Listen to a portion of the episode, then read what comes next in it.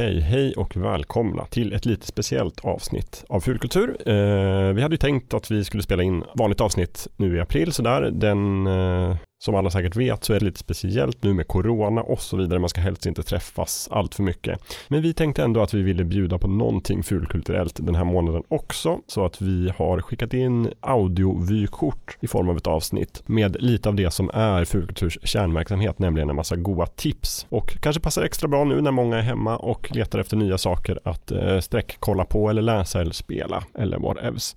Så att eh, här är nu lite grann från oss till er en eh, bingetips. Och då ber vi ju såklart också på förhand om ursäkt ifall ljudkvaliteten skulle vara lite grann sämre än vanligt. Det är helt enkelt för att vi spelar in hemifrån oss själva. Och vi börjar med ett vykort från Amanda.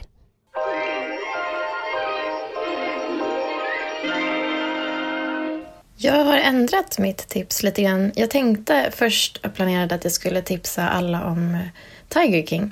Eh, vilket är en fantastiskt eh, fullspäckad och helt galen eh, dokumentär på Netflix. Ehm, men sen så såg jag att det har kommit en andra säsong av What We Do in the Shadows.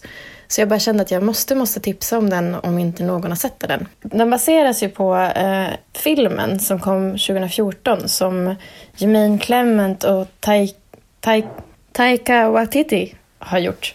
Och eh, till serien så är det bara Jermaine eh, som är kvar och liksom eh, är skaparen. Och man får följa då tre stycken otroligt misslyckade eh, vampyrer, Nandor, Laszlo och Nadja, eh, när de bor på Staten Island. Även eh, Colin som är en eh, annorlunda vampyr som snarare är så tråkig så att han liksom suger livslusten ur en.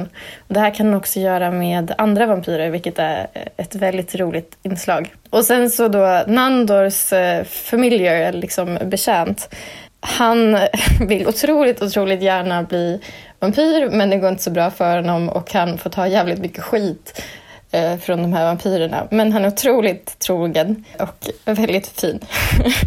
Eh, och man får liksom följa de här tre vampyrerna ja, när de misslyckas med det mesta kan man väl säga. Och de är otroligt roliga och precis som eh, liksom det mesta som kommer ur den humorduon, eller vad man ska säga, både Taika och eh, eh, är ju fruktansvärt underfundigt och roligt. Eh, och tycker man till exempel om så här, Flight of the Concords kommer man älska det här. Eh, det har bara släppts, nu så har det bara släppts två stycken avsnitt. Eh, på den nya säsongen. Men man, om man inte har sett första så har man hela den också. De är rätt eh, snabba avsnitten, typ en halvtimme. Eh, och jag önskar att det fanns typ sju säsonger av det här. För att det är så himla roligt och man blir så glad i hela kroppen. Så har ni inte sett det än så tycker jag verkligen, verkligen, verkligen att ni ska gå in på HBO Nordic och se What We Do in the Shadows. Jag tror att den kom förra året i mars. Så den är ändå rätt ny och jag tycker att den är lite grann av en doldis. Eh, vilket är synd för den är helt, helt, helt fantastisk. Don't sing if you want to live long. They have no use for your song. You're dead, you're dead, you're dead You're dead and out of this world. Now your hope and compassion is gone. You've sold out your dream to the world. Stay dead, stay dead, stay dead You're dead and out of this world.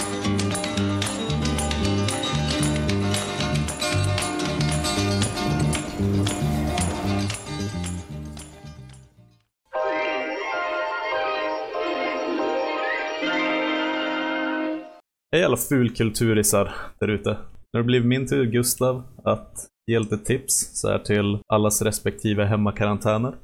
Jag hoppas att ni fyller den här, de här veckorna med exakt lika mycket filmer och serier och spel och böcker som jag gör. Idag ska jag ge er två tips och jag hoppas att ni inte redan har hunnit sluka de här. Eh, det jag vill snacka om först är Tales from the Loop, eller Ur varselklotet som det heter på svenska. Ni är säkert många som vet att Amazon Prime, eller Amazon har gjort en serie på Simon Stålenhags retro sci-fi universum. Eh, och det finns ute nu. Släpptes nu för några, två veckor sedan typ. Eh, alla avsnitt i första säsongen. De är åtta stycken. Finns att titta på i egen takt. Man kan bingea eller sprida ut det, det gör man hur man vill. Jag har kollat på fyra avsnitt än så länge och jag måste säga att det är vissa delar av det som är så jäkla imponerande. Eh, det är ganska så konceptdrivet, väldigt, väldigt lågmält, det går långsamt. Eh, man ska nog inte vara för trött när man kollar på det. Ehm, även om det är bra så kan man somna. Men det är typ en mix av, det är lite den här Stranger Things-viben med 80-tal. Det är lite Black Mirror-viben med sån dystopisk, eh, mystisk sci-fi-inslag.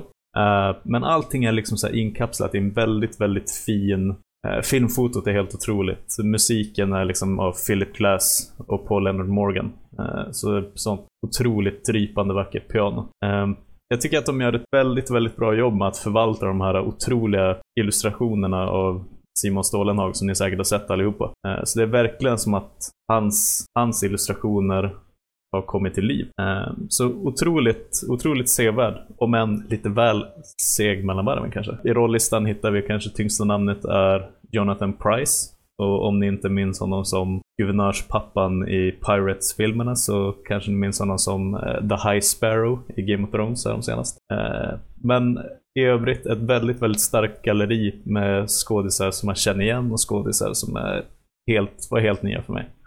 Men alla gör ett bra jobb. Eh, så se den, Tales from the Loop. Lågt tempo men väldigt, väldigt, väldigt mysigt. Och produktionen håller högsta, högsta kvalitet.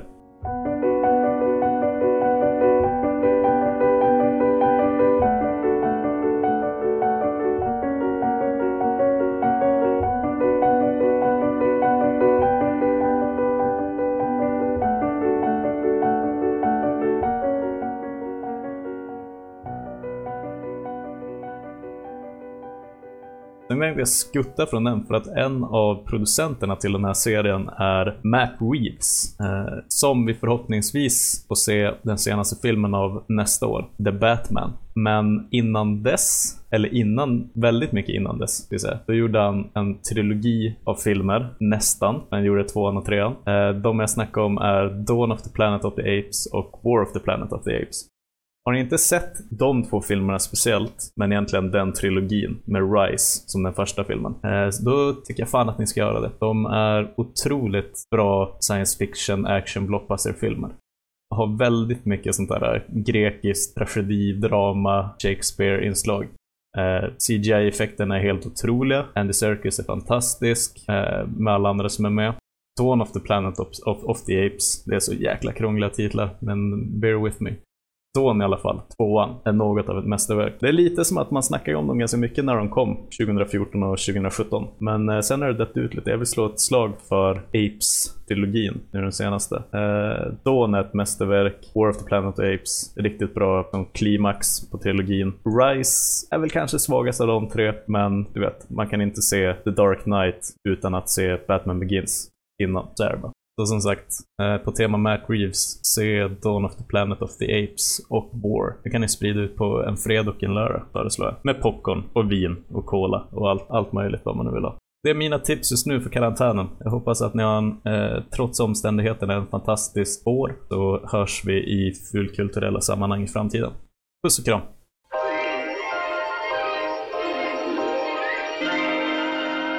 Ja, så har det blivit dags för mig själv också att dela med mig av ett vykortstips. Eh, jag skulle vilja rekommendera alla att kolla på sitcom-serien Community som precis har dykt upp på Netflix. Community gick från början från eh, 2009 till 2005 ungefär med lite korta uppehåll emellan och det är en sitcom signerad Dan Harmon. Harmon känner vi idag kanske mest ifrån den animerade sitcom-serien Rick and Morty eh, som också finns på Netflix och som också är väldigt rolig. Men eh, han gjorde väl sitt namn med Community kan man väl säga.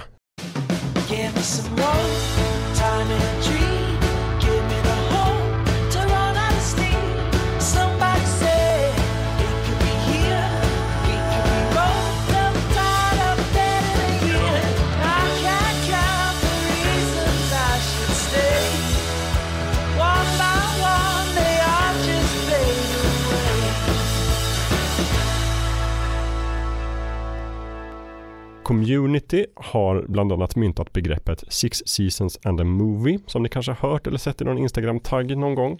Men eh, trots det så nådde serien bara upp i sex säsonger allt som allt. Eh, filmen väntar vi fortfarande på. Bakom kulisserna så har Community alltid varit ganska styrmoderligt behandlad av sina olika kanaler som de har gått på och den fick inte jätte, jättehöga tittarsiffror när det begav sig. Däremot har den varit väldigt älskad av, av fansen och har väl idag fått något av en kultstatus. Eh, serien plockades först upp av den amerikanska tv-kanalen NBC, eh, men de la ner serien efter säsong 5 och den sista då, säsong 6, gick därför på den kortlivade videotjänsten Yahoo Screen, om det är någon som minns den.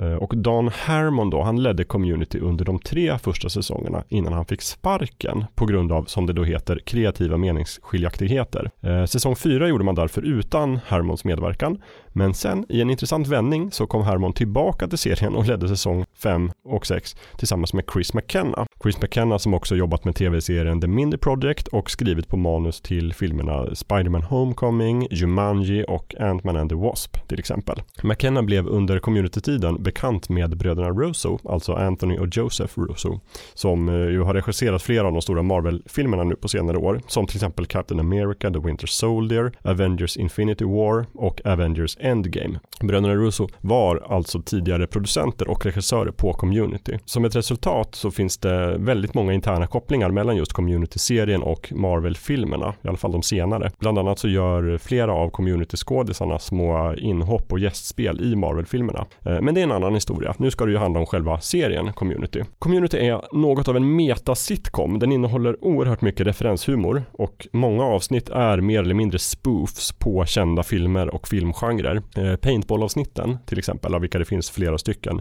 är ju till exempel välkända. Och maffiahyllningen som heter Contemporary American Poultry, eh, den ligger mot slutet av första säsongen. Det är ett fantastiskt exempel på vad som gör Community så speciellt och älskat av fansen. Eh, I det avsnittet så inleder studiegruppen en plan för att säkra tillgången på de eftertraktade kycklingbitarna från skolmatsalen, vilket urartar i en intensiv maktkamp fylld av svek och tvister. Avsnittet kan jag absolut rekommendera för den som vill prova på serien innan de committar. Och eh, det är ett måste för alla som gillar filmer som Goodfellas eller Gudfadern. Every day you flock here like sheep and wait in line for a broken promise from a dirty system. Back in those days, Jeff Winger was the guy that made things happen. He always knew what to say, and he always knew when to slap the table. You want to be sheep? Keep flocking. You want to be wolves? Form a pack. And that was it. It was that simple. At that moment, we stopped being a family and started being a family. In italics. Men eh, i korthet så kan man väl säga att community handlar om ett nedgånget community college, vilket är typ komvux i Sverige, eh, som ligger i den lilla staden Greendale. Och här får vi följa ett gäng som tillsammans pluggar spanska. Vi har den coole Jeff Winger som brukade vara advokat innan han blev av med sin licens. Den avdankade sportkillen Troy, anarkistaktivisten Brita, plugghästen Annie, mamman Shirley, gamlingen Pierce och den eh, speciella Abed. Och det här omoka gänget blir då under seriens gång självklart nära vänner och upplever en hel del galna äventyr, både i verkligheten och i den mentala fantasivärlden. På ytan låter väl det här som en ganska klassisk sitcom där en grupp väldigt olika människor tvingas tillsammans på grund av omständigheter. Eh, långsamt och sakta men säkert bygger någon sorts eh, gemenskap. Men det som gör community speciellt är väl just framförallt den här eh, ständiga metanivån där vi hela tiden är framme och nosar vid den fjärde väggen.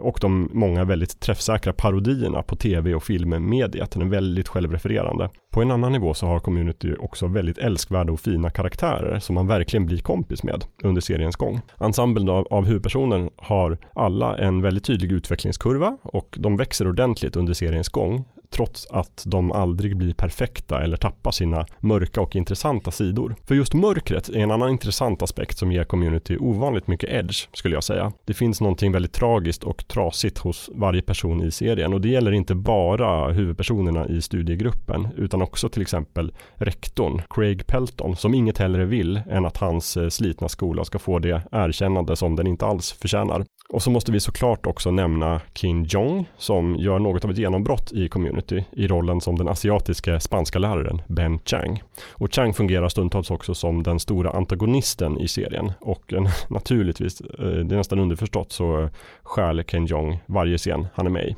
Every once in a while, a student will come up to me and ask, Senor Chang, why do you teach Spanish? They say it just like that. Why do you teach Spanish? Why you? Why not Nat? Why not photography? Why not martial arts? I mean, surely it must be in my nature to instruct you in something that's ancient and secret, like, oh, building a wall that you can see from outer space. Well, I'll tell you why I teach Spanish. It is none of your business. Okay? And I don't want to have any conversations about what a mysterious, inscrutable man I am.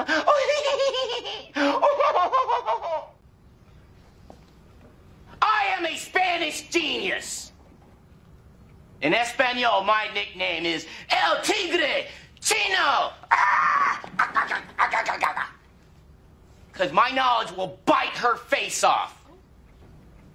So don't question Senor Chang, or you'll get bit. You bit. You bit. Det är också gott om andra kända namn som skymtar förbi. John Oliver spelar till exempel den väldigt brittiska professorn Ian Duncan och eh, 80-talskomikern Chevy Chase spelar Pierce Hawthorne, en av dem eh, i studiegruppen då. Pierce är också en av de mera osympatiska karaktärerna och eh, Chevy Chase var också enligt ryktena ganska omöjlig även bakom kameran och han försvinner sedan från serien. Andra av huvudpersonernas skådespelare var kanske inte så stora när serien gick men har blivit kända namn senare. Eh, karaktären Annie Edson till exempel spelas av Alison Brie, som vi också sett i Mad Men och nu senast i Netflix-serien Glow. Och Brita Perry spelas av Gillian Jacobs, som gjorde en av huvudrollerna i Netflix-serien Love, som jag också kan rekommendera. Och Danny Pewdy som spelar Abed Nabir, han har blivit en av rösterna i den nya animerade DuckTales-serien och har också en roll i sitcom-serien Mythic Quest. Men mest framgångar har kanske han som spelar Troy Barnes rönt. Det är nämligen Donald Glover som spelar inte bara den unge Lando Calrissian i Star Wars-filmen Solo utan också varit rösten till Simba i den nya Lejonkungen-filmen och ju också gjort musikalisk karriär som Childish Gambino. Ja, jag skulle kunna prata ganska länge om varför Community är en serie värd att plöja och en av mina favorit-sitcoms på senare år. Men eh, det enklaste är nog helt enkelt att man börjar titta och se vad man tycker. Eh, serien börjar någorlunda klassiskt men tar sen allt snabbare ganska stora vändningar och tar ut svängarna ordentligt skulle jag säga i de tre första säsongerna. Säsong 4 är lite konstig, säsong 5 och 6 är oväntat bra faktiskt. Hela serien finns som sagt nu på Netflix, alla sex säsongerna och den rekommenderas.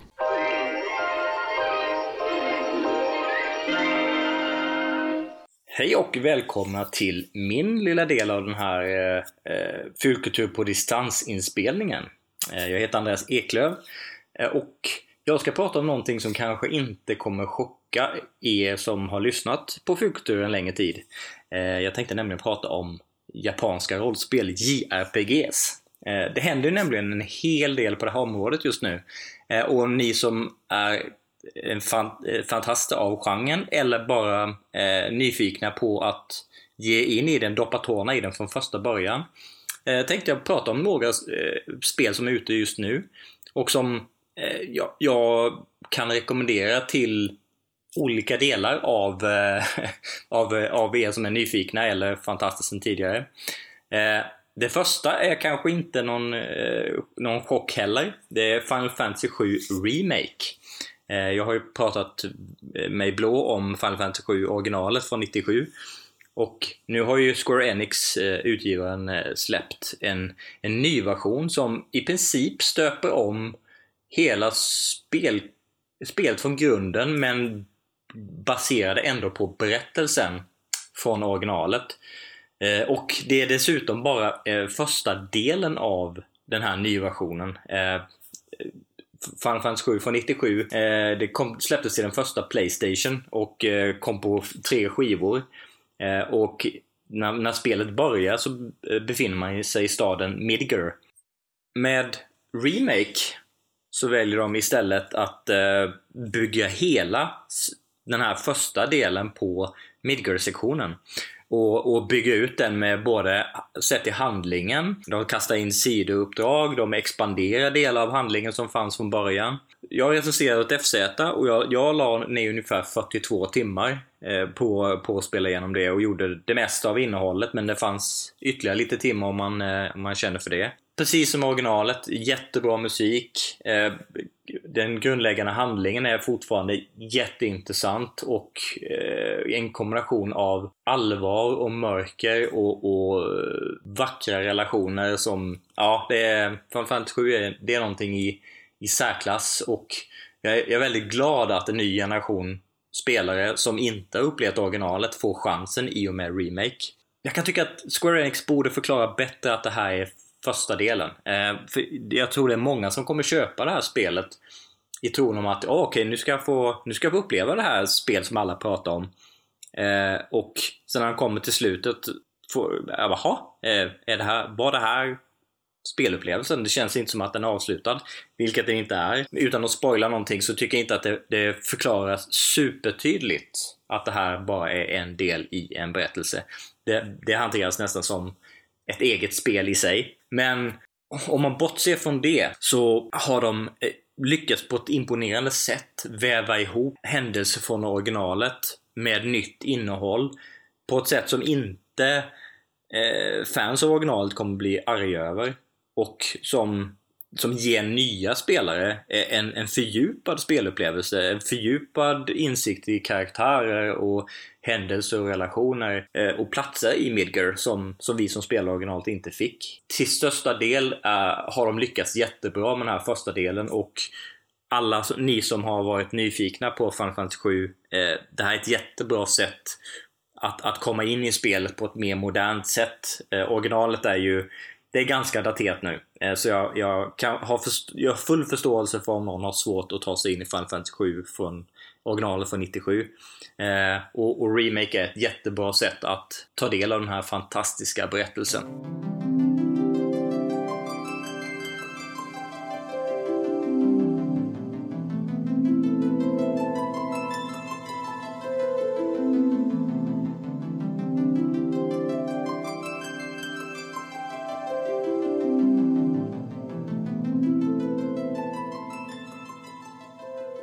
Nästa spel som jag ska prata om, det är också eh, inte en, det är inte en, det är vare sig en remaster eller en remake. Eh, det, det jag pratar om är Persona 5 Royal. Eh, Persona 5 är ett, eh, ett av JRPGs genrens bästa spel det senaste årtiondet skulle jag säga. Eh, och det, det är en del i en, en serie som har en kanske en något nischad målgrupp, publik. Men de som, de som spelar serien och gillar den, de älskar den verkligen. Och, och Persona 5 är eh, tveklöst en av de bästa delarna i serien. Eh, och, och spelet släpptes precis vid överg- i väst ska jag säga. Eh, spelet släpptes i väst precis i övergången mellan Playstation 3 och Playstation 4. Och, och släpptes till båda plattformarna. Eh, och vilket innebär att det utnyttjade inte hårdvaran i, i Playstation 4 särskilt mycket. Och, eh, och det, det, utgivaren Atlus har, har en, en trend av att släppa uppgraderade, uppdaterade versioner av sina spel längre fram till andra plattformar. Eh, för att ge dem mer innehåll, eh, justera spelmekaniken där, där, det liksom, där de har fått kritik, eh, där originalet har fått kritik. Eh, de gjorde det med Persona 3, de gjorde det med Persona 4 Eh, och nu har de gjort det med Persona 5.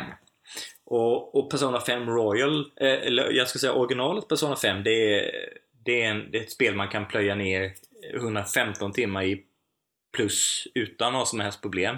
Och det är 115 fantastiska timmar. Men det fanns eh, förbättringspotential. Eh, och med Royal har Atlus verkligen eh, lyckats justera många av de här eh, små irritationsmomenten som fanns med originalet. Eh, då, ni, ni, som har spelat Persona 5 kan ju säkert eh, nicka instämmande när man säger att eh, eh kattpojken Morgana eh, var lite väl nitisk med eh, eh säga till dig när du ska gå och lägga dig. Eh, men det, det, är många andra små justeringar av spelmekaniken som gör att man, man lättare kommer in i spelet. Eh, originalet det kunde ta ganska många timmar innan man kom in i det för eh, man uppgraderade sin karaktär på visst sätt och då innebar det att man inte fick tillgång till vissa delar av vissa sidouppdrag exempelvis. Eller vissa karaktärsrelationer. Eh, och det har de justerat i det här som att man utvecklas jämnare. Vilket öppnar upp fler delar av spelupplevelsen. Karaktärsrelationer och sidouppdrag och liknande. Eh, och vi, vilket gör det till en, en mycket smidigare upplevelse.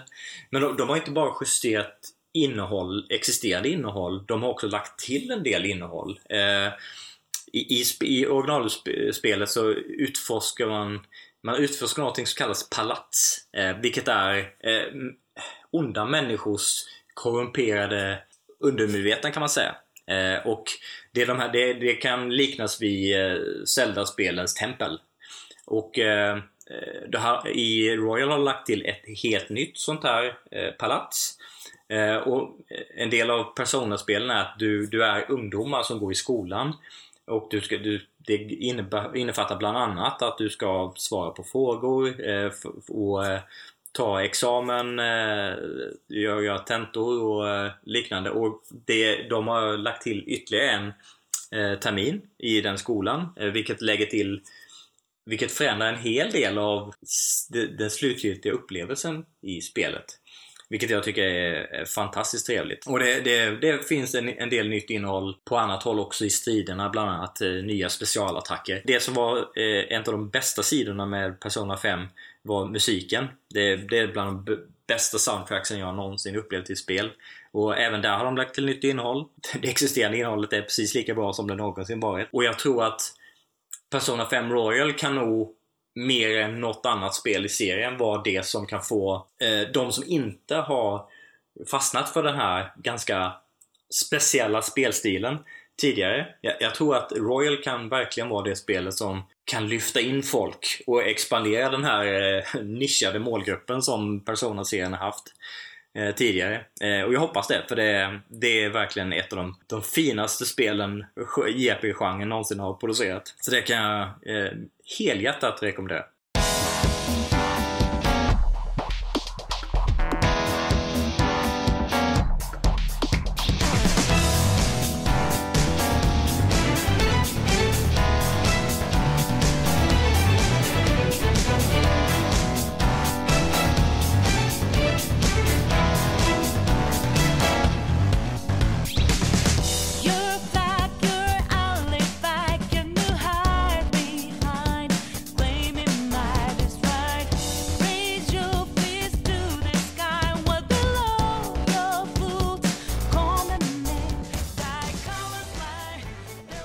Det sista spelet vi ska prata om eh, heter Trials of Mana.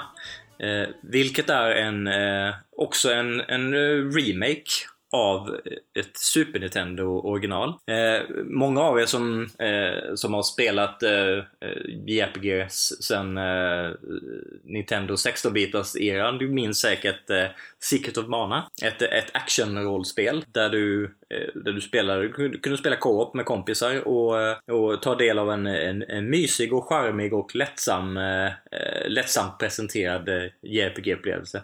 och det, det fick, fick också en, en uppföljare som heter Seiken Densetsu 2003. Eh, västerländsk titel är eh, Trials of Mana, men den släpptes aldrig här i, i väst. Det har de Eh, har, har, Square Enix dels eh, åtgärdat genom att släppa en samling med Super Nintendo-originalen eh, nyligen på Nintendo Switch. Men de släpper också nu en, en 3D-remake eh, som de har gjort i Unreal 4-motorn.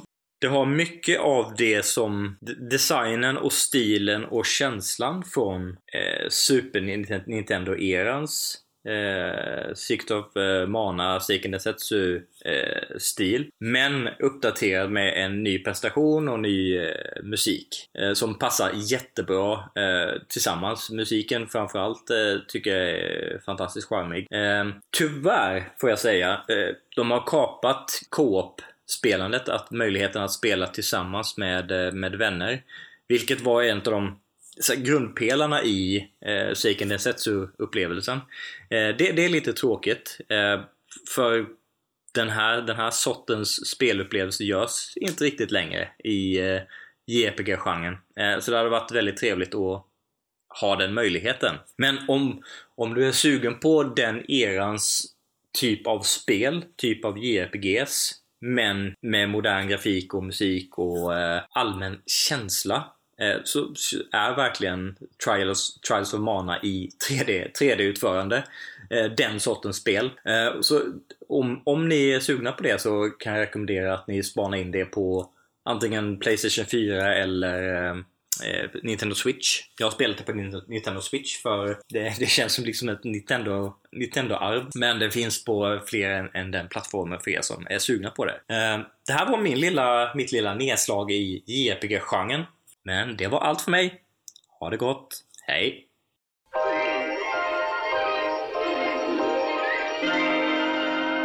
Ja, eh, mer än så här hade vi inte att bjuda på den här gången. Jag hoppas att ni ändå har fått lite grann tips som ni kan ta med er i era karantäner. Och sen så lovar jag att Fulkultur snart är tillbaka igen.